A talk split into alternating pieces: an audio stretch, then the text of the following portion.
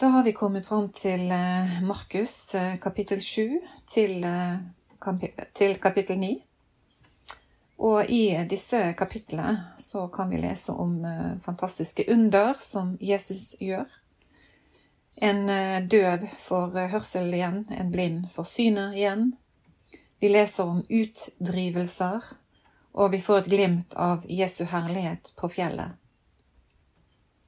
Peter bekjenner Jesus som Messias i det ene øyeblikket, og får refs av Jesus i det neste, fordi at han ikke har tanke for det som Gud vil, bare for det som mennesker vil. Og fariseerne, som er opptatt av hellighet og renhet i det ytre, minner oss på at vi må vaske hendene våre. Kapittel 7 Fariseerne og noen skriftlærde som var kommet fra Jerusalem, samlet seg om Jesus. De la merke til at noen av disiplene hans spiste med urene hender, det vil si uten å skylle dem.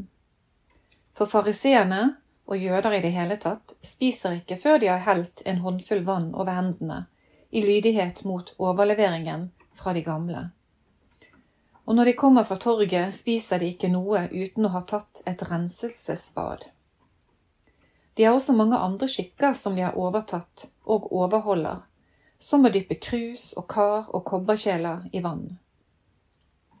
Derfor spurte fariseerne og de skriftlærde ham, hvorfor følger ikke disiplene dine overleveringen fra de gamle, men spiser med urene hender? Da sa Jesus, Jesaja profeterte rett om dere hyklere, slik det står skrevet. Dette folket ærer meg med leppene, men hjertet er langt borte fra meg. Forgjeves dyrker de meg, for det de lærer, er menneskebud. Dere har forlatt Guds bud, men holder fast på menneskers overlevering. Og han sa til dem, Ja, dere får det fint til. Dere avskaffer Guds bud for å innføre deres egen overlevering. For Moses sa, Hedre din far og din mor, og den som bruker onde ord mot far eller mor, skal dø.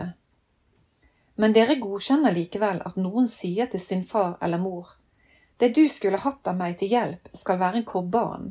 Det betyr en gave til tempelet. Da hindrer dere ham i å gjøre noe for far eller mor. Slik setter dere Guds ord ut av kraft av hensyn til den overlevering dere har mottatt og gitt videre og mye annet av samme slag gjør dere. Han kalte igjen folket til seg og sa, Hør på meg alle og forstå, ikke noe av det som kommer inn i mennesket utenfra, kan gjøre det urent. Nei, det er det som går ut fra mennesket, som gjør mennesket urent.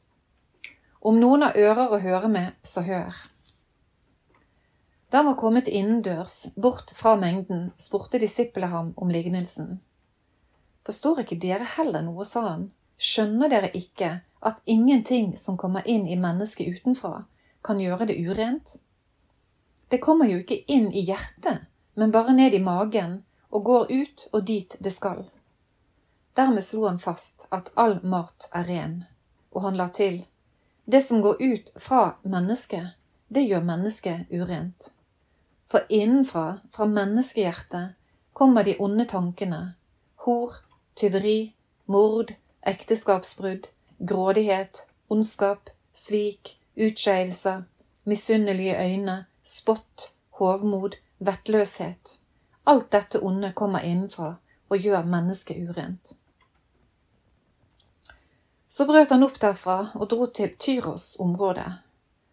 Der tok han inn i et hus og ønsket ikke at noen skulle få vite det, men det kunne ikke holdes skjult. En kvinne der hadde en datter som hadde en uren ånd i seg. Straks hun fikk høre om Jesus, kom hun og kastet seg ned for føttene hans. Denne kvinnen var gresktalende, av syrisk-fønikisk ett. Hun ba ham drive den onde ånden ut av datteren. Men Jesus sa til henne, La først barna bli mette, for det er ikke rett å ta brødet fra barna og gi det til hundene. Herre, svarte kvinnen, selv hundene under bordet spiser jo smulene etter barna. Han sa til henne, Fordi du sa dette, sier jeg deg, gå hjem, den onde ånden har forlatt din datter. Hun gikk hjem og fant barnet liggende på sengen, den onde ånden hadde forlatt henne. Siden forlot han Tyros-området igjen. Han tok veien om Sidon og dro mot Galileasjøen gjennom Dekapolis-landet. De førte til ham en mann som var døv og hadde vondt for tale, og de ba ham legge hendene på ham. Jesus tok ham med seg bort fra mengden. Han stakk fingrene i ørene hans, tok spytt og berørte tungen hans. Så løftet han blikket mot himmelen, sukket og sa til ham, Effata, det betyr lukk deg opp. Straks ble ørene hans åpnet, båndet som bandt tungen hans ble løst, og han snakket rent. Jesus forbød dem å fortelle dette til noen, men jo mer han forbød det, dess mer gjorde de det kjent. Folk var overveldet og forundret og sa, Alt han har gjort, er godt. Han får døve til å høre og stumme til å tale. En annen gang på den tiden var en stor folkemengde samlet, og de hadde ikke noe å spise. Da kalte Jesus disiplet til seg og sa, Jeg synes inderlig synd på folket. De har alt vært med meg i tre dager, og de har ikke noe å spise. Sender jeg dem sultne hjem, vil de bli helt utmattet på veien. Noen av dem kommer jo langveisfra. Disiplet svarte, Hvordan kan noen skaffe brød til å mette alle disse her i ødemarken? Han spurte dem, Hvor mange brød har dere? Sju, svarte de. Da ba han folket sette seg ned på bakken. Så tok han de sju brødene, ba takkebønnen, brøt dem og ga til disiplene for at de skulle dele ut, og de delte dem ut til folket. De hadde også noen få småfisk. Han velsignet dem og sa at også de skulle deles ut. Og de spiste og ble mette. Etterpå samlet de opp brødstykkene som var til overs, sju store kurver. Det var omkring 4000 mennesker der, og han lot dem dra hjem. Straks etter gikk han i båten sammen med disiplene og kom til traktene ved Dalmanuta. Fariseerne kom og ga seg til å diskutere med ham. For å sette ham på prøve ba de ham om et tegn fra himmelen. Da sukket han dypt og sa, Hvorfor krever denne slekten et tegn? Sannelig, jeg sier dere, aldri skal denne slekten få noe tegn. Dermed gikk han fra dem, steg i båten igjen og dro over til den andre siden. Men disiplene hadde glemt å ta med brød, de hadde bare et eneste brød med seg i båten. Jesus ga seg til å advare dem og sa, Pass dere og hold dere unna fariseernes surdeig og surdeigen til Herodes men seg imellom snakket de om at de ikke hadde brød. Jesus merket det og sa til dem, Hvorfor snakker dere om at dere ikke har brød? Begriper og forstår dere ennå ingenting? Har dere så harde hjerter? Dere har øyne, ser, dere ikke? Dere har ører, hører dere ikke? Husker dere ikke hvor mange kurver fulle med brødstykker dere samlet opp da jeg brøt de fem brødene for de fem tusen? Tolv, svarte de. Og da jeg brøt de sju brødene for de fire tusen, hvor mange kurver fylte dere da med brødstykker? Sju, svarte de. Han sa til dem, forstår dere ennå ikke? Så kom de til Betzaida. Der førte de en blind mann til Jesus og ba ham røre ved mannen. Han tok den blinde i hånden og ledet ham utenfor landsbyen, spyttet på øynene hans, la hendene på ham og spurte, Ser du noe? Han så opp og svarte, Jeg ser mennesker, for jeg skimter noe som ligner trær gå omkring. Så la Jesus hendene over øynene hans igjen. Da klarnet synet. Han var helbredet og kunne se alt tydelig. Og Jesus sendte ham hjem. Men gå ikke inn i landsbyen og si det, si det ikke til noen der, sa han. Jesus og disiplene dro ut til landsbyen landsbyene ved Cesarea Filippi. På veien spurte han disiplene, Hvem sier folk at jeg er? De svarte, Døperen Johannes, men noen sier Elia, og andre en av profetene. Og dere, spurte han, Hvem sier dere at jeg er? Da svarte Peter, Du er Messias. Men han forbød dem strengt å snakke om ham til noen. Jesus begynte å lære dem, menneskesønnen må lide mye og bli forkastet av de eldste, overprestene og de skriftlærde. Han skal bli slått i hjel, og tre dager etter skal han stå opp. Dette sa han i åpenhet. Da tok Peter ham til side og ga seg til å irettesette ham.